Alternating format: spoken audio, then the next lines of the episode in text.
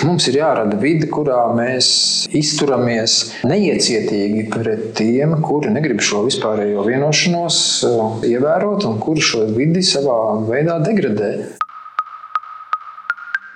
Esiet sveicināti Latvijas mediju portāla LA.CLV sadaļā Klausies. Šis ir podkāsts Meistars, kas veltīts celtniecības un remonta lietām. Mans vārds ir Armīns Ronis. Jau vairāk kā desmit gadus esmu interesējies par būvniecības nozari kā žurnālists un ilgstoši strādājis būvniecības raidījumā mēdījos. Šis podkāsts veidots sadarbībā ar būvķīmijas uzņēmumu Vincents Polilainu. Nākamās pusstundas laikā viena ļoti godīga saruna, būvniecības jaunuma apskats un jau labi pazīstama pazīstamās Rīgas Tehniskās Universitātes mācības spēka asociētā profesora būveksperte Jūra Birša atbildes uz portāla LALV lasītāju un klausītāju jautājumiem. Nosaukums podkāsts visvienkāršāk skaidrojams ar vārdu raidījums. Tas ir internetā brīvi pieejams saturs par noteiktu tēmu. Šis podkāsts veltīts dažne dažādām ēkām, celtnēm un būvēm un cilvēkiem, kas tās rada. Mēs runājam par Latvijas būvniecību, runājot gan par lielām, gan par mazām problēmām.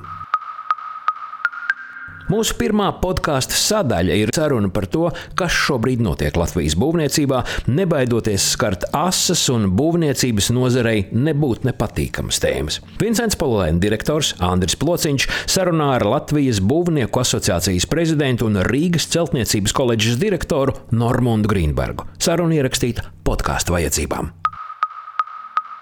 Kā vispār tu vērtē būvniecību šogad? Kā tas izskatās. Jo pavasaris izskatījās, ka bija tāds baisais, un visi gaidīja, ka ies tāds šausmīgs bums būt, bet liekas, ka kaut kas ir noticis un ir kaut kāds izmaiņas. Kā tu vērtē no, no būvnieka? Ir, ir tādas indikācijas, ka kaut kāds visu laiku visa presa saka, būs krīze, būs krīze katru dienu. Tā, tā presa izskatās, ka viņi jau sāk to visu manipulēt ar to informāciju. Jā, nu, ar informāciju manipulē, un viņi ir jāskanē, jāskanē jāsaprot tomēr tie cēloņi un tās indikācijas, kas liecina par, par, par kaut kādām nu, kāpumiem kritumiem. Bet eh, tas, ko pavasarī gaidīja, ka nu, būs kāpums, nu, būs bums, nu, protams, kāpums ir. Mhm. Kāpums ir, bet neteiksim tā, ka viņš ir ārkārtīgi nepaceļams. Um, es domāju, ka tur nostrādāja arī dažādi, dažādi instrumenti. Tā skaitā Es pieņemu arī valdību vienu otru projektu, dažādu iemeslu dēļ ir pabīdījusi tālāk, pārcēlus, tā skaitā tur Liepājas cietums. Mm -hmm. Un vēl viens otrs, bet, bet, bet vai, vai tam dēļ, vai citu iemeslu dēļ, bet tā ir sanācis, ka tas kāpums nav tik strauji.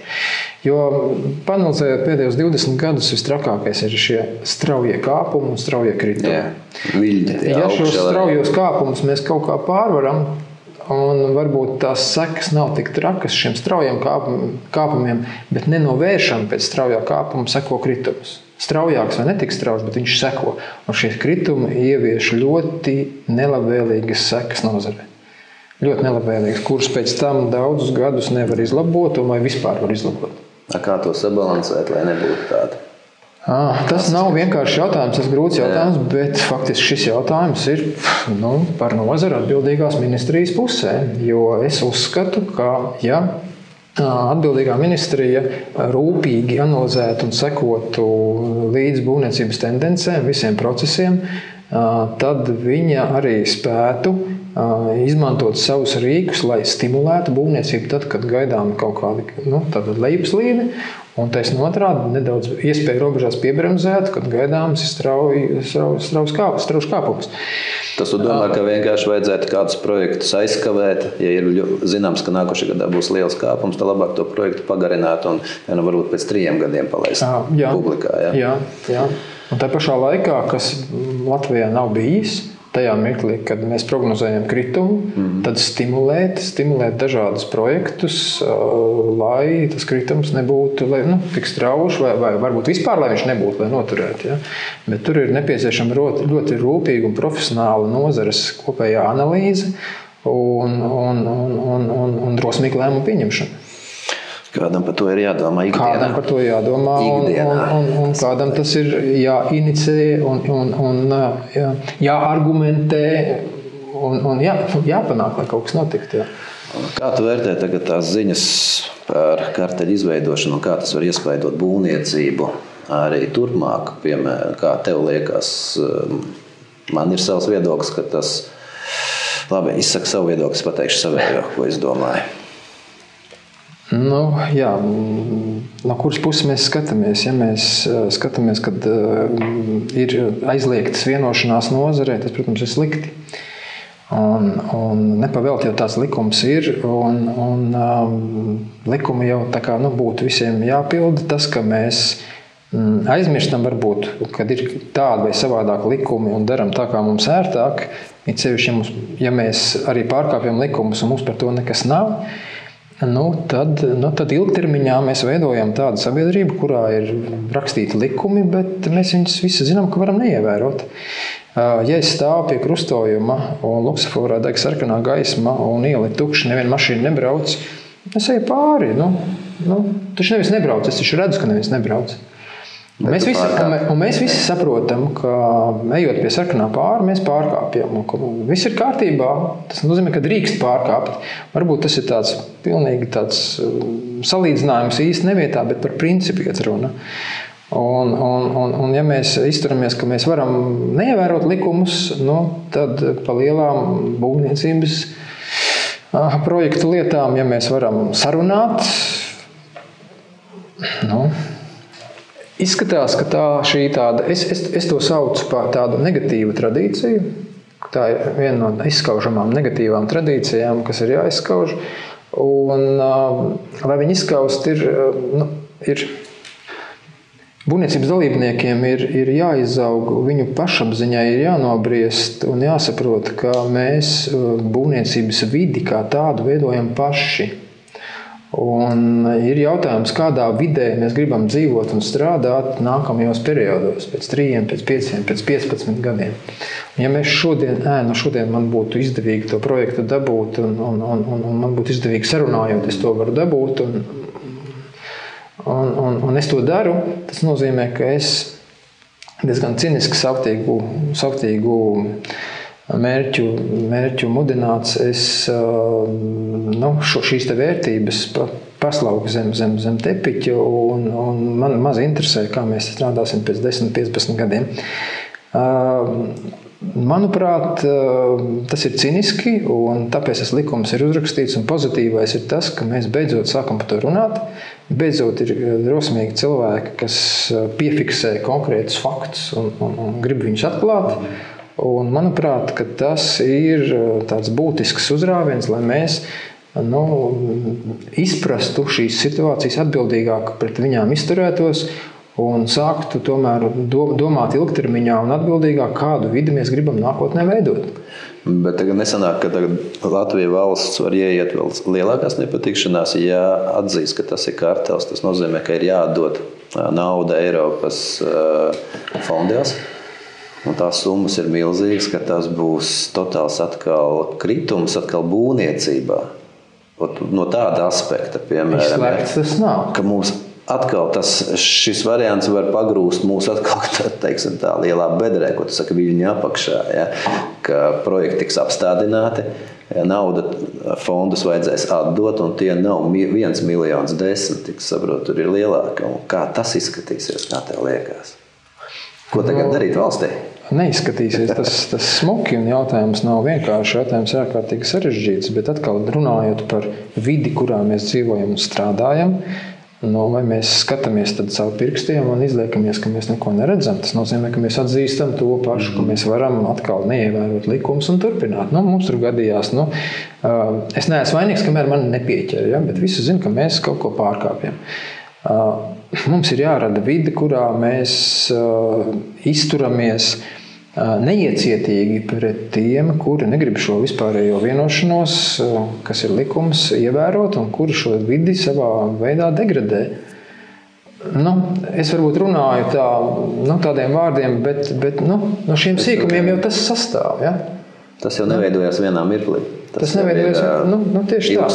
Tas veidojas ilgstoši. Un, un, un mēs runājam par, par konkurences nekropļošanu, ja? mēs runājam par attīstību. Ja? Um, Nu, kā mēs varam par to runāt, ja visi nojauš, ka notiek kaut kādas tādas lietas, visi kaut kur kaut ko nojauš, ka kaut kas tāds notiek. Un... Savā starpā visi saka, nu jā, mēs jau visu zinām. Jā, pat prasa konkrēti, nu es tur dzirdēju, kaut kas kaut ko teica. Bet, nu, jā, tāds, tā. jo, jo tas ir ilgti, tā, šīs ir ilgtermiņa sekas. Mm. Un uh, diskusijā, kas notika augstskolā turība, kur bija klāts Ričēnaka kungs, kas uh, pastāstīja par, par, par, aptau, par tādas vienas aptaujas uh, rezultātiem. Uh, kurā viens no jautājumiem bija par to, um, vai tu esi gatavs samaksāt, ja tu par to dabūsi līgumu. Jā. Es varbūt tagad esmu neprecīzi, bet nu, ap, apmēram. Ja. Tur, tur bija dažāda tā statistika, un, un bija tāda, ka 90% ir gatavi samaksāt, un 10% tikai saka, vai 11% bija tāda, kas saka, nē, es nekad nevienam nemaksāšu. Ja.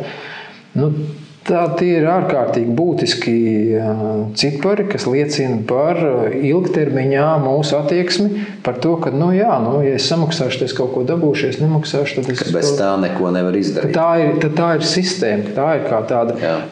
ļoti negatīva tradīcija mūsu nozarē.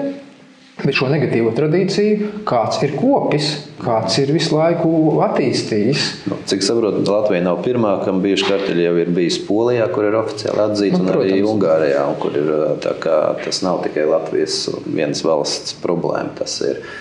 Domāju, arī daudzām valstīm ir saskārušies ar to pašu. Ļoti... Kā, jautājums, kā viņi tikuši ārā no tā? Kā viņi to ir? Vai viņi ir tikuši jā, ārā? Vai, jā, jautājums, vai. vai viņi ir tikuši ārā no tā? Un, un tas, ir, tas ir viņu jautājums, bet mūsu jautājums, vai mēs gribam no tā, no tā tikt ārā, vai mēs pievērsim acis arī turpmāk, ja jutīsim, ka kaut kas tāds notiek.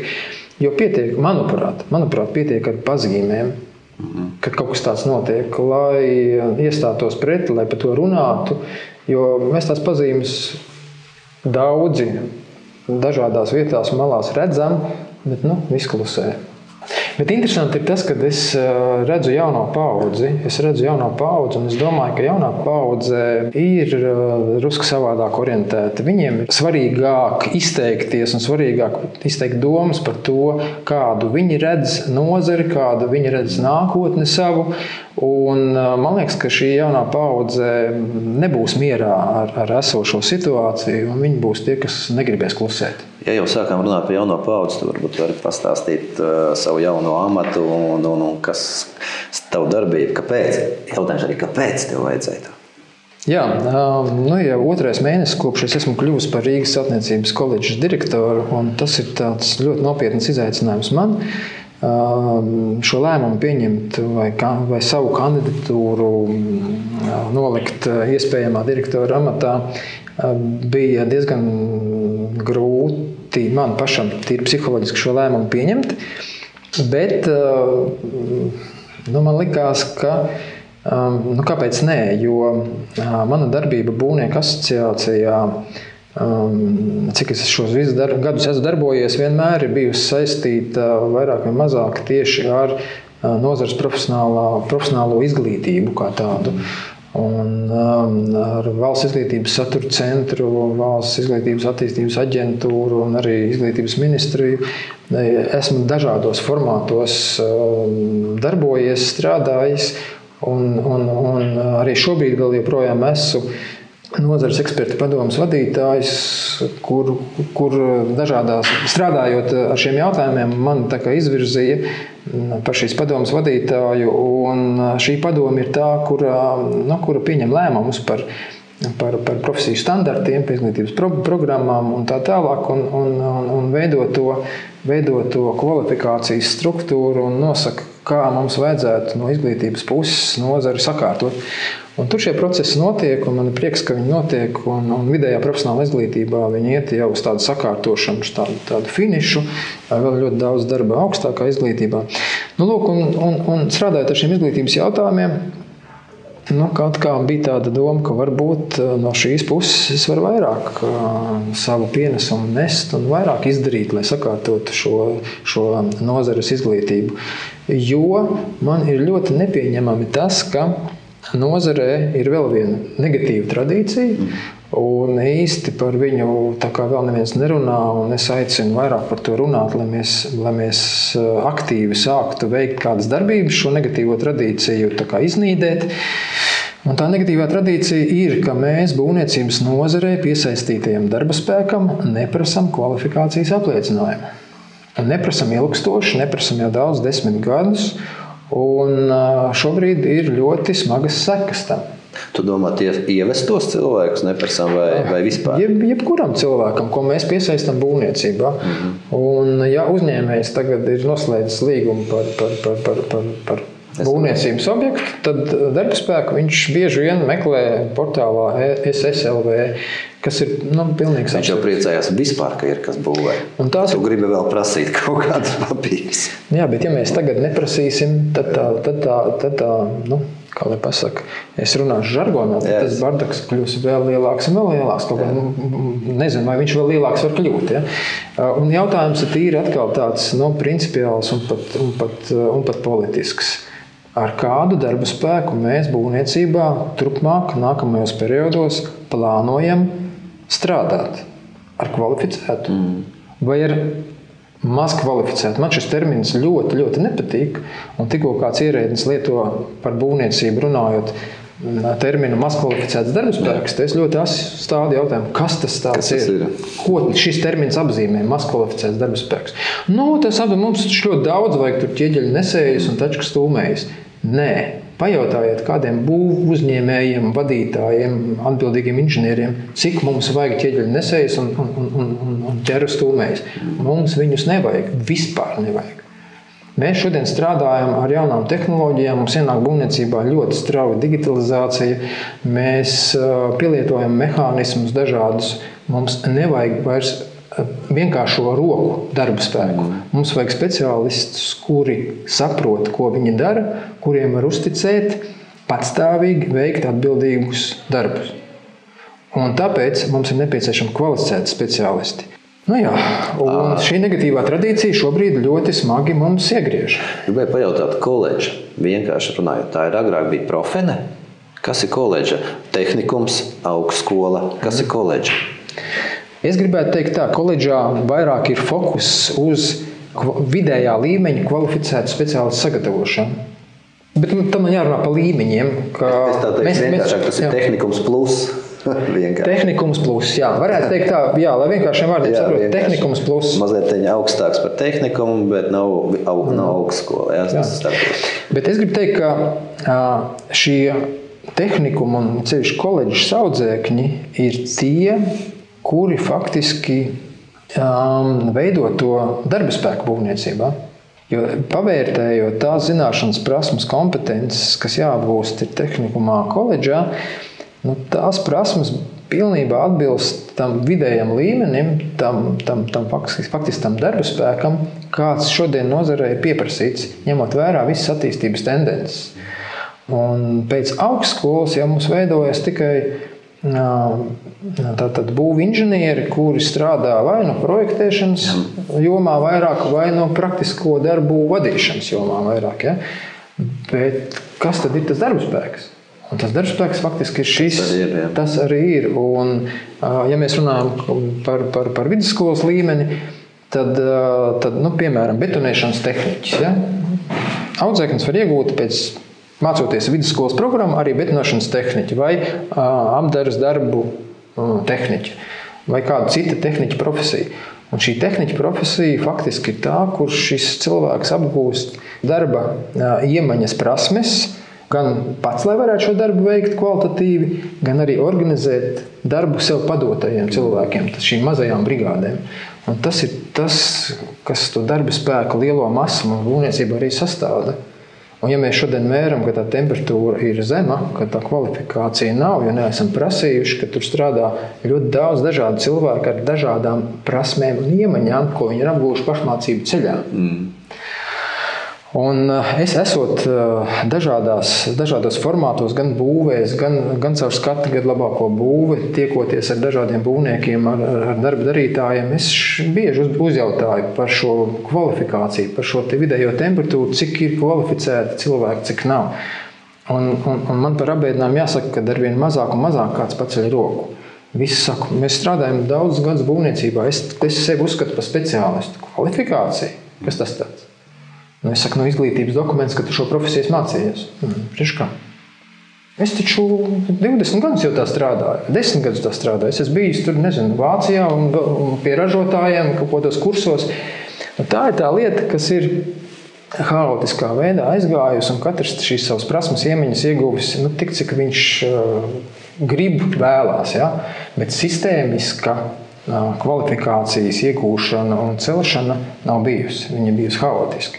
Ļoti daudz cilvēku ir, ka viņi nezina to, ko viņi nezina. Viņi ieguvuši vienu vai otru veidu prasmi un ar to sev pozicionē kā speciālists būvniecībā.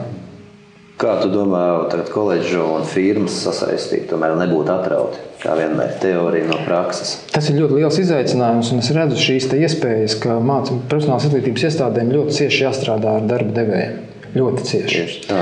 Un, un tajā mirklī, kad um, gan, koleģi, gan profesionālās izglītības iestādēs ir izglītības kvalitāte jāceļ, Un, un tikko mēs kopā ar darba devējiem sasaistīsimies un darba devēji rādīs savus, savu, savu labo praksi un dos iespēju papraktizēt objektos, nebaidīsies no šīs iesaistes. Tiksim pāri varbūt kādiem arī birokrātiskiem šķēršļiem, jo tur ir daudz dažādu šie jautājumi. Audzēkņi mēs būtu vēl nepilngadīgi un visādas tādas lietas. Un, un, bet nu, visas šīs lietas ir risināmas un atrisināmas. Ir jā, jābūt tikai gribēšanai. Un tajā mirklī, kad uh, izglītības iestāde un nozare kopā sēž pie galda un normāli vienojās un ir ieinteresēti sadarboties, tad viss ir kārtībā. Jā, tieši Tehniskajā universitātē mums arī bija Vincents Polaina auditorija. Tāda bija, kur tieši arī mēs savus materiālus un, nu, palīdzējām ar laboratoriju ar saviem materiāliem, lai būtu kaut kāda reāla. Ja tie cilvēki zinātu par reāliem materiāliem, ne tikai no grāmatas, bet arī tieši kas tirgo notiek. Tieši tā. Un, un mums varbūt ir tāda slimīga attieksme, ka nu, viens konkrēts ražotājs tagad ir savu stendu, savus materiālus, māca ar saviem materiāliem. Protams, viņš ir ieinteresēts, lai viņa materiālu pazīst. Tas ir normāli, bet ir jāsaprot, ka te tirgu viņš nav viens. Un, ja viņš ir savu materiālu piegādājis, ir ļoti labi, ka viņš to Tas dara. Ar to viņi var saprast, jā, Jā, un- un- tad un- salīdzināt. Un tāpat viņš saprot būtību ja, tam materiālam, reālam materiālam. Ja, nu, Man liekas, ka, firmai. man liekas, ka ideāli būtu, un tā būtu ideāla situācija skolā, koledžā vai profesionālā izglītībā, vai tehnikumā, ka, nu, ja mēs runājam nu, nezinu, par, nu, nezinu, par apgādes materiāliem, piemēram, ja, ka tur ir vismaz kādi pieci lielie ražotāji. Ja. Salikt, ja? pieci brendi, ja ne vēl vairāk. Ja? Un arī tiek stāstīts, ka viens un tas pats, nezinu, tur, tur, tur špakteli, ja? Ir, ir tāda špakteli, tāda, un tā špaktelis ir tik ārkārtīgi daudz, ka tajā tehnikumā ir jāstāsta, kā viņas atšķirās, ar ko viņas atšķirās. Ne tikai ražotāji, tur sākās visas tehniskās īpašības. Ja? Uh, un, un, un tas ir jāstāsta, un tur jābūt pilnīgai skaidrībai. Un arī ražotājiem būs interesanti vienu to pašu vietu ar pieciem dažādiem materiāliem apstrādāt un tad paskatīties atšķirības. Ja? Skaidrs, labi, paldies par sarunu. Paldies, ka atnāci. Un... Veidosim būvniecības vidi kopā.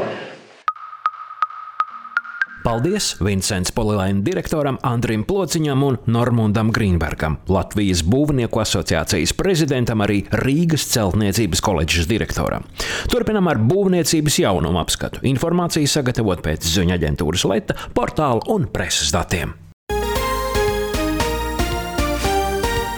Nedēļas jaunuma apskatā - digitālās būvniecības diena, par minimālo algu būvniecībā, ziņa no Latvijas un Igaunijas robežpilsētas, pirmā bezoglekļa biroju ēka Latvijā. Kā ziņo Leta, 24. oktobrī Rīgā, Rīgas Tehniskās Universitātes Zinātniskajā bibliotekā notika digitālās būvniecības izglītības diena. Jau pēc pieciem gadiem Latvijā visas ēkas būs jāprojektē digitālajā vidē, un arī būvniecības iepirkuma procesā būvniekiem būs saistoša prasība pievienot dokumentācijai ēkas trīsdimensiju modeli. Ar zināšanām un pieredzi digitālās būvniecības izglītības dienā dalījās Latvijas Lauksaimniecības Universitātes, Augstskolas Riseba, Rīgas Celtniecības koledžas un Rēzeknas Tehnoloģija akadēmijas pārstāvji. Novembrī stāsies spēkā ģenerāla vienošanās par minimālo algu būvniecībā. No 4. novembra būvniecības nozarē minimālā alga būs 780 eiro. Visiem, kas strādā būvniecības nozarē, būvobjektos, būvniecības nozares profesijās, šis atalgojums būs jāmaksā. Tāpat ģenerāla vienošanās paredz 5% piemaksu tad, ja darbiniekam ir iegūta profesijai atbilstoša izglītība. Lai ģenerāla vienošanās stātos spēkā, tā bija jāparaksta vismaz pusē, jeb 50% būvniecības nozares uzņēmumu, tad ģenerāla vienošanās kļūst obligāti saistoša arī tiem uzņēmumiem, kas to nav parakstījuši. Rīgas doma izsludinājusi pieteikšanos līdzfinansējumam kultūra vēsturiskām būvmantojuma saglabāšanai 2020. gadā. Pieteikties līdzfinansējumam var līdz 2020. gada 14. februārim. Konkursā namīpašniekiem ir iespēja pretendēt uz pašvaldības līdzfinansējumu ēkas atjaunošanas vai restaurācijas atjaunošanas darbiem 50% apmērā, bet ne vairāk kā 20 000 eiro, ja līdzekļi tiek lietoti kultūras pieminekļu saglabāšanai, kā arī ne vairāk kā 5000 eiro ēkas elementu atjaunošanai vai restaurācijai.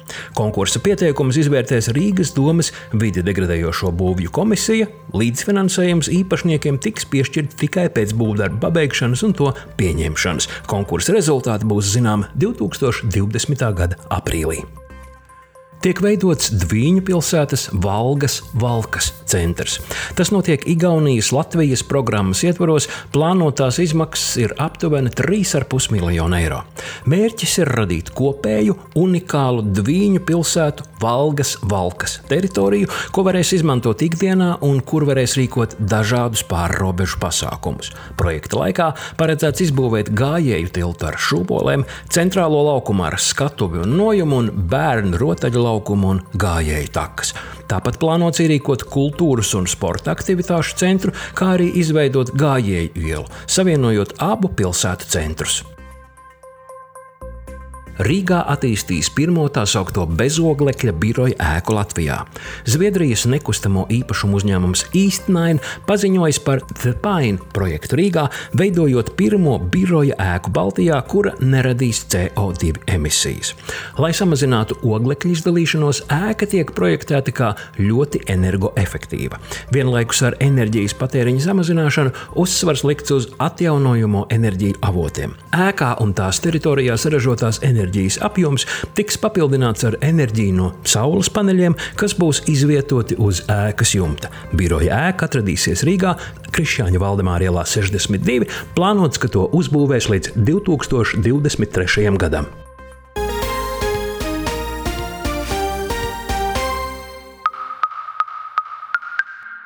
Pienācis laiks jautājumiem un atbildēm. Jūsu uzdotajiem jautājumiem un mūsu podkāsta eksperta atbildēm uz šiem jautājumiem. Tehnisko zinātņu doktors, asociētais profesors, certificēts būvinženieris un droši vien, ka es visus titulus esmu aizmirsis, Juris Biršs, jūsu rīcībā, lai atbildētu uz jūsu jautājumiem par remontiem, būvniecību, celtniecību. Un šeit īsti vairs nav svarīgi liels remonts vai mazs remonts. Svarīgi, ka tas ir jūsējais un ka mēs varam jums palīdzēt. Sveiki, profesor Kungs! Labdien! Ja mēs esam gatavi atbildēt uz klausītāju jautājumiem, tad ķeramies klāt. Nu, lai iet. Ainārs raksta un jautā tā. Esmu iegādājies guļbūvi, kurai ir vismaz 9 gadi. Gribu izvēlēties jaunu jumta segumu, bet nevaru izlemt, kādu labāk. Vai var likt metāla dakstiņus, ja gribam dzīvot otrajā stāvā? Domāju, skaļuma ziņā un citādi. Kas vēl jāņem vērā jumta segumu izvēloties? Jautājums ir eh, tiešām interesējošs, universāls jautājums, kas interesē ļoti daudzus. Es ieteiktu sekojušu, nu, teiksim, padomāt par sekojušiem jautājumiem.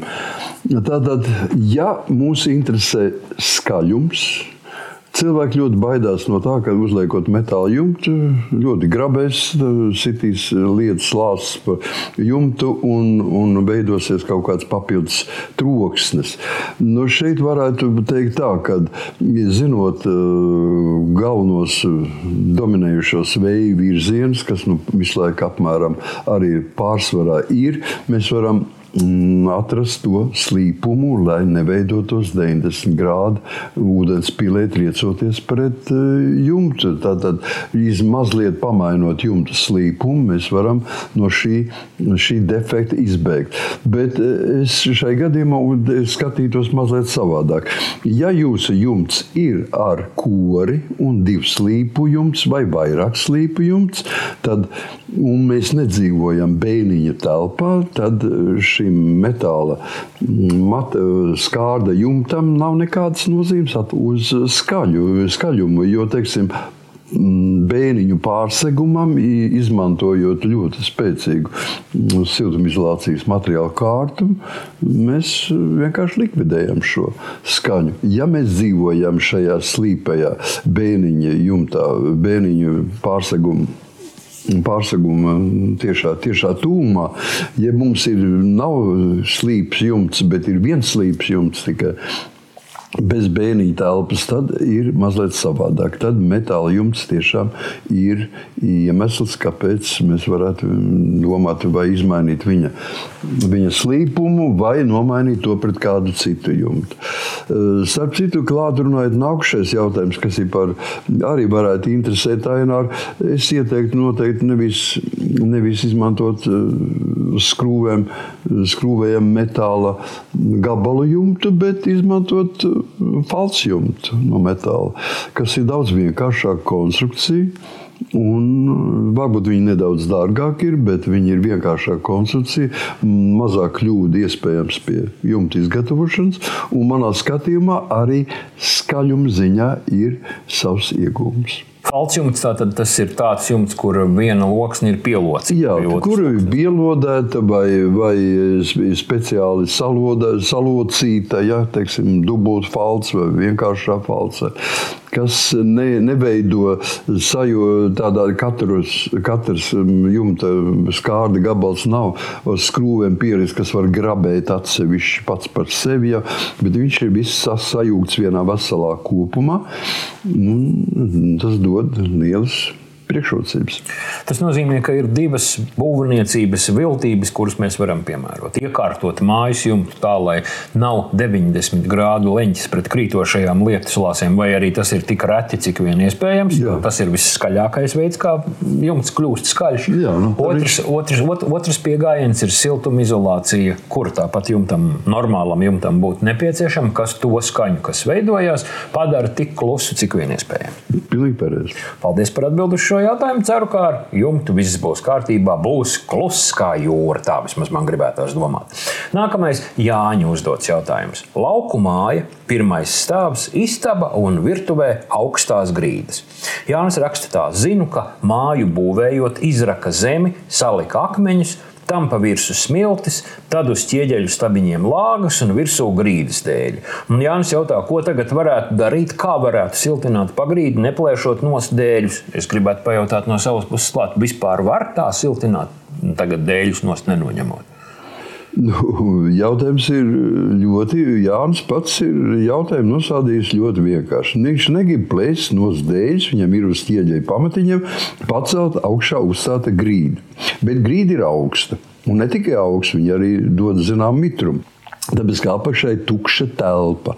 Mūsu tas tā, tā, tā izēja no šī stāvokļa ļoti vienkārši apakšā, jo neplēšot nos dēļus, mēs izveidojam atveres abās pusēs, teiksim, nu, vienalga, teiksim, tādā pašā virzienā, kā iet lagas, un piepūšam šo apakšā siltumizolāciju. Es ieteiktu piepūst uh, divas iespējas. Ir, par cik tas tomēr atrodas telpā un nevis nav, nav saskara ar ārā gaisu, tad varētu piepūst ar mm, keramzīta granulām pēc iespējas lielākām, cik mēs varam tikai lielākas dabūt, bija piepūšam līdz pašiem dēļiem, vai arī ar ekovati. Nu, ja būtu ieteicams 2 cm līdz dēļiem, lai būtu nu, gaisa starpa, kuru var panākt arī ar to, ka viņi vienkārši nosēžās pēc zinām laika. Uh mhm. -huh. Tā tad var braši pūst pilnu, cerībā, ka nosēdīsiet. Jā, tā tad, tā tad mums, jo, jo teiksim, šai gadījumā jautājums risinās ļoti vienkārši mēs nedrīkstam atstāt starp lielām temperatūras starpībām. Tātad grunts temperatūra kaut kur plus 4 grādi, telpā iekšā virtuvē grādi apmēram 15 līdz 20 grādi. Tādā temperatūra starpība ļoti liela. Šajā starpā nedrīkst palikt tukšas vietas. Mēs šīs vietas piepildām ar ko? Ar siltumizolācijas materiālu. Viss. Jā, paldies par atbildi. Jākaba jautājums nākamais. Un viņš prasa tā, kāds būtu pareizais pīrāgs uh, pamatu siltināšanai un ar ko labāk siltināt? Ar firmu piedāvāto putu materiālu vai pašam ar putu plastu? Pamata siltināšana, tā tad pamata siltināšana no ārpuses. Jā. Nu, šeit Armin, man ir ļoti grūti atbildēt, tāpēc ka esmu pilnīgs nu, teikt, ienaidnieks vai pretinieks pamatu siltināšanai. Ja? Tāpēc man, man ir tā diezgan, Labi, diezgan klāt, grūti. grūti klāt, vērsim pie ragiem. Kāpēc ne? Nu, redziet, šeit ir divi gadījumi. Pirmais gadījums, ja mums nav ne pagraba, nekā nav. Mums ir tikai pamati, un virs uh, pamata līmenī tātad mums būs veidots grīdas, un tālāk ir grunts, un, un, un uz ārpusi, uz ārpusi tātad mums ir cokols, labākā gadījumā paaugstinājums virs, virs grunts. Un mēs gribam pamatus siltināt. Jautājums ir, kāpēc? Kāpēc mums būtu jāsiltina pamati? Ja mums apakšā būtu pilnīgi atklāta gaisa, ārā gaisa vide, tad es saprastu, ka mums ir noteikti pamati jāsiltina un grīdi jāsiltina. Bet mums ir grunts, kur ziemas laikā zem apdzīvotas mājas rada plus 4 grādi siltuma. Ja? Tad, tad mums nav augstums apakšā. Un tas augstums, kas sniedzas no ārpuses, cokola līmenī, ar to mēs varam siltināt tikai pašu cokolu. Ap pamatu siltināt nav nekādas vajadzības. Es uzskatu, ka tas ir pilnīgi materiāla zaudēšana. Tas ir nu, liekas darbs, lieka materiāli un lieka enerģija. Nevajag. Ne. Nu, labi, tā tad ir šāds viedoklis. Jākabam ir iespēja padomāt, ko tad īsti Jā, un, teiksim, mēs, mēs vēl ne, neapskatījām gadījumu, ja mums ir pagrabi. Ja? mums ir pagrabi arī tajā gadījumā, nekādas vajadzības nav šo pagrabu sienu siltināt no ārpuses. Mēs viņu varam siltināt ar daudz plānāku kārtu no iekšpuses. Un tad mums siltums pagrabā saglabāsies, jo siltumizolācijas materiāls jau nesilda, viņš tikai rada pretestību temperatūrai, lai nu temperatūra neatdzest. Tas nozīmē, ka mēs varēsim daudz plānāku siltumizolācijas materiālu kārtu uzstrādāt pagrabām iekšpusē, un nekādas vajadzības mums nebūs sildīt milzīgo pagraba sienu, kas ir vēsas, plus 4 grādi, nemaz ne, ne zemāk. Mm -hmm. Jā, paldies par atbildi. Starp citu, par pagrabu mūsu nākamais jautājums. Anna raksta un jautā tā. Rudeņos un pavasaros pagrabā nāk ūdens, domāju, gruntsūdens. Kā pareizi izvairīties no tā? Pagrabs stāvam zem betona grīdas ir 20 cm akmens šķēmas. Vai, vai sanāk, ka zem šīs grīdas jau ir dīķis, vai tāda drenāža nestrādā? Ja es pareizi saprotu, uzbūvēts pagrabs un pagrabs būvējot 20 cm zem pagraba grīdas, ir pabērts šķembas, tad tikai likts betons, tad būvēts tālāk pagrabs, tad tālāk māja. Un nāk ūdens iekšā. Ko darīt? Par cik ūdens ir ciklisks tikai. Kā mēs saprotam, ka pamatā vasarā ūdens nav, bet rudenos un pavasaros nāk šis ūdens. Tas nozīmē, to, ka tas nav tīrs gruntsūdens līmenis, bet tas ir tikai sezonāli pacelts grūtsūdens līmenis vai nokrišņu ūdens sakrāšanās e, zem ēkas ir, ir, ir izsaucis, izraisa šo ūdens līmeņa pa, palielināšanu. Un tāpēc mums ir ļoti vienkārši iespēja tikt no šī ūdens vaļā. Tas nozīmē, ka mums vajag aprakt riņķi ēkai līdz pagraba grīdas līmenim atbrīvot pamatus. Protams, ka rakšana jādara ļoti pakāpeniski. Divi, trīs metri pēc tam mēs izpildām, kas nepieciešams, un aizrokam un atkal rokam riņķi, lai nebūtu vienlaicīgi visu pamatu atrakšana, kas var draudēt ar avāriju. Un tāpēc, aprokot visu riņķi, atbrīvojot pamatus, mēs uzklājam telpisku geomembrānu, tā ir tāda pumpaina membrāna, ko mēs uzklājam ar pumpiņām pret sienu, un veidojam gaisa starpu tātad starp pamatiem un grunti. Tas nozīmē, ka viss tas ūdens, kas tagad nāk iekšā eh, pagrabā, kas spiežās cauri, cauri grīdai, viņš varēs brīvi iet, teiksim, izplatīties laukā, celties uz augšu un izdvaikot un nākt par šo radīto, mm, radīto gaisa spraugu. Un tādā spiediens uz pamatiem samazināsies. Tāpat kā termokatls. Ja? Ja mēs zem spiediena vāram ātri, ja mēs pārsniedzam spiedienu, tad mums iet pagājis. Ja? Tas nozīmē, ka, mē, ka mums šajā gadījumā ir termokatls iztaisīts un spiediens tiek radīts, un ar spiedienu ūdens tiek spiests pagrabā. Ja mēs izveidosim viņam šos, šos ventīļus, kur gar malām gaisa spraugas, tas nozīmē, ka vajag spiediens kritīsies un ūdens pagrabā nenāks. Ja ūdens pagrabā sakrājas līdz 15 cm līmenim, tad šāda metode to pilnībā likvidē vidē. Ja ir ūdens sakrājas vairāk par 15 centimetriem, tad ir jāpieslēdz arī vēl, teiksim, citas metodes, ka mēs injicējam ar indizējušiem sastāviem, un tad jau sarežģītāk tas notiek.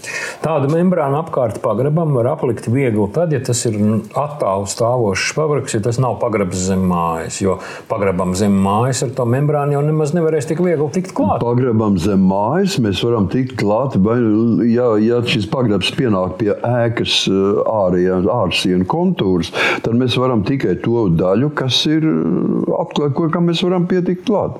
Ja mēs vispār netiekam klāt, un teiksim, ēkas pagrabs ir izveidots ēkai pa vidu. Uh mhm. -huh. nu, tas ir sarežģītāks gadījums. Šajā gadījumā nu, teiksim, tur, ir, nu, tur būtu, jā, tur būtu vērts nodarboties ar, ar injekcijām, ar hidroizolācijām. Tas būtu daudz darbietilpīgāks un dārgāks process. Tas ir, bet, ja viņš saskarās ar ārpusi, mēs varam ļoti vienkārši to likvidēt.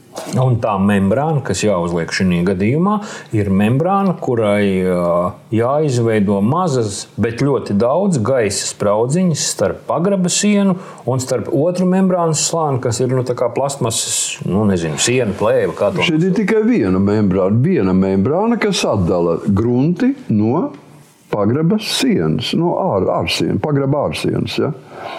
No pamatsienas ja, atdala. Nu, tādā šīs pumpiņas ir ar to, lai atstumtu, veidotos šī, šī gaisa starpkārta. Un uh, ūdens tā tad atsitās pret membrānu un netiek. Nē, ne, ūdens vispār ūdens, vienkārši apkārtējais ūdens sakrājas, viņš ceļās uz augšu tajā vietā, kur ir šī sprauga. Viņš neiet iekšā pagrabā caur betonu, jo, lai ietu caur betonu, jāpieliek zināms darbs, spiediens. Uh mhm. -huh. Šeit spiediens nav jāpieliek, viņš ceļās uz augšu gar, gar malām. Ja? Protams, ka viņš nevar augstu uzcelt, viņš zināmā augstumā paliek uz vietas, pēc tam viņš sasilst mājas, no mājas siltuma un iztvaiko. Un ejot uz āru, visu laiku tā tad izdalās ūdens, ūdenim rodas cita, cita, cita gūtne, cita, cita tendence, un viņam nav nekādas vajadzības lausties cauri biezo pamata betonu. Mm -hmm. Jā, paldies par atbildi. Es ceru, ka tas palīdzēs arī Annai. Podkāsts meistars. Paldies par atbildi arī uz šo jautājumu. Ja jums nepieciešams uzdot savus jautājumus, lūdzu lietojiet portāla LALB mājaslapas logu ar uzrakstu Uzdot jautājumus profesoram Biršam. Jūs klausījāties Latvijas mediju portāla LALV podkāstu Meistars, kas veidots sadarbībā ar būvķīmijas, betona piedevu un hidroizolācijas materiālu ražotāju Vincents Polilainu. Mans vārds ir Armins Rods. Uz tikšanos pēc nedēļas un pajautājiet padomu, ja tas jums nepieciešams.